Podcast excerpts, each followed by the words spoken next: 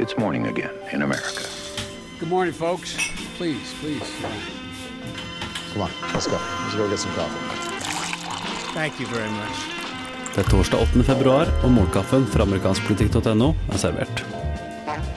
I går kunngjorde senatslederne, dvs. Si Mitch McConnell, som da er majoritetsleder for republikanerne, og Chuck Schumer, demokratenes minoritetsleder, at de har kommet til enighet om en toårig budsjettavtale som da vil finansiere de føderale myndighetene. De vil bl.a. da øke militærutgiftene, men DACA, dette programmet for barn og unge som kom til USA ulovlig sammen med sine foreldre, er ikke en del av denne pakken. Innvandring, altså, ikke en del av budsjettpakken for to år, eh, men det er imidlertid rundt 20 milliarder dollar til infrastruktur.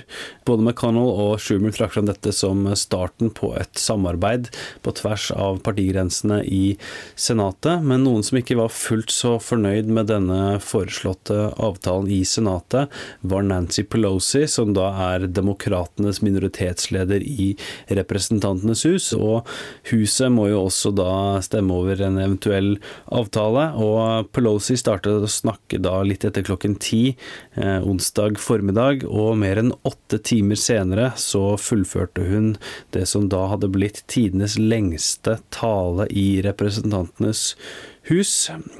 Pelosi, tidligere speaker i huset, brukte da denne talen til å snakke om Dreamers og DACA, og om viktigheten av å komme til en avtale.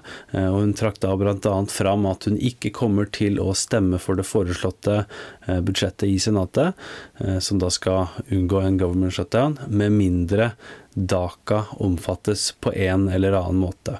Så i løpet av denne talen så leste hun da opp eh, flere ulike historier som da medlemmer av det demokratiske partiet i huset hadde gitt henne, så hun hadde ting å lese fra. Hun leste også fra Bibelen.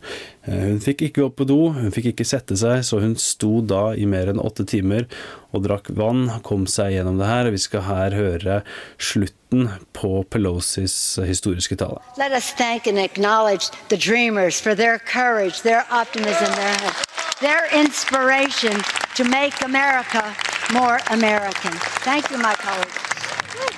Dagens utgave av Morgenkaffen er servert av Anders Høymer og undertegnede Are Togflaten. Du leser mer om disse og andre saker på amerikanskpolitikk.no. Du finner Morgenkaffen i Spotify, iTunes og andre podkastapper sammen med Ampolkast. Hyggelig du hører på, og så snakkes vi i morgen.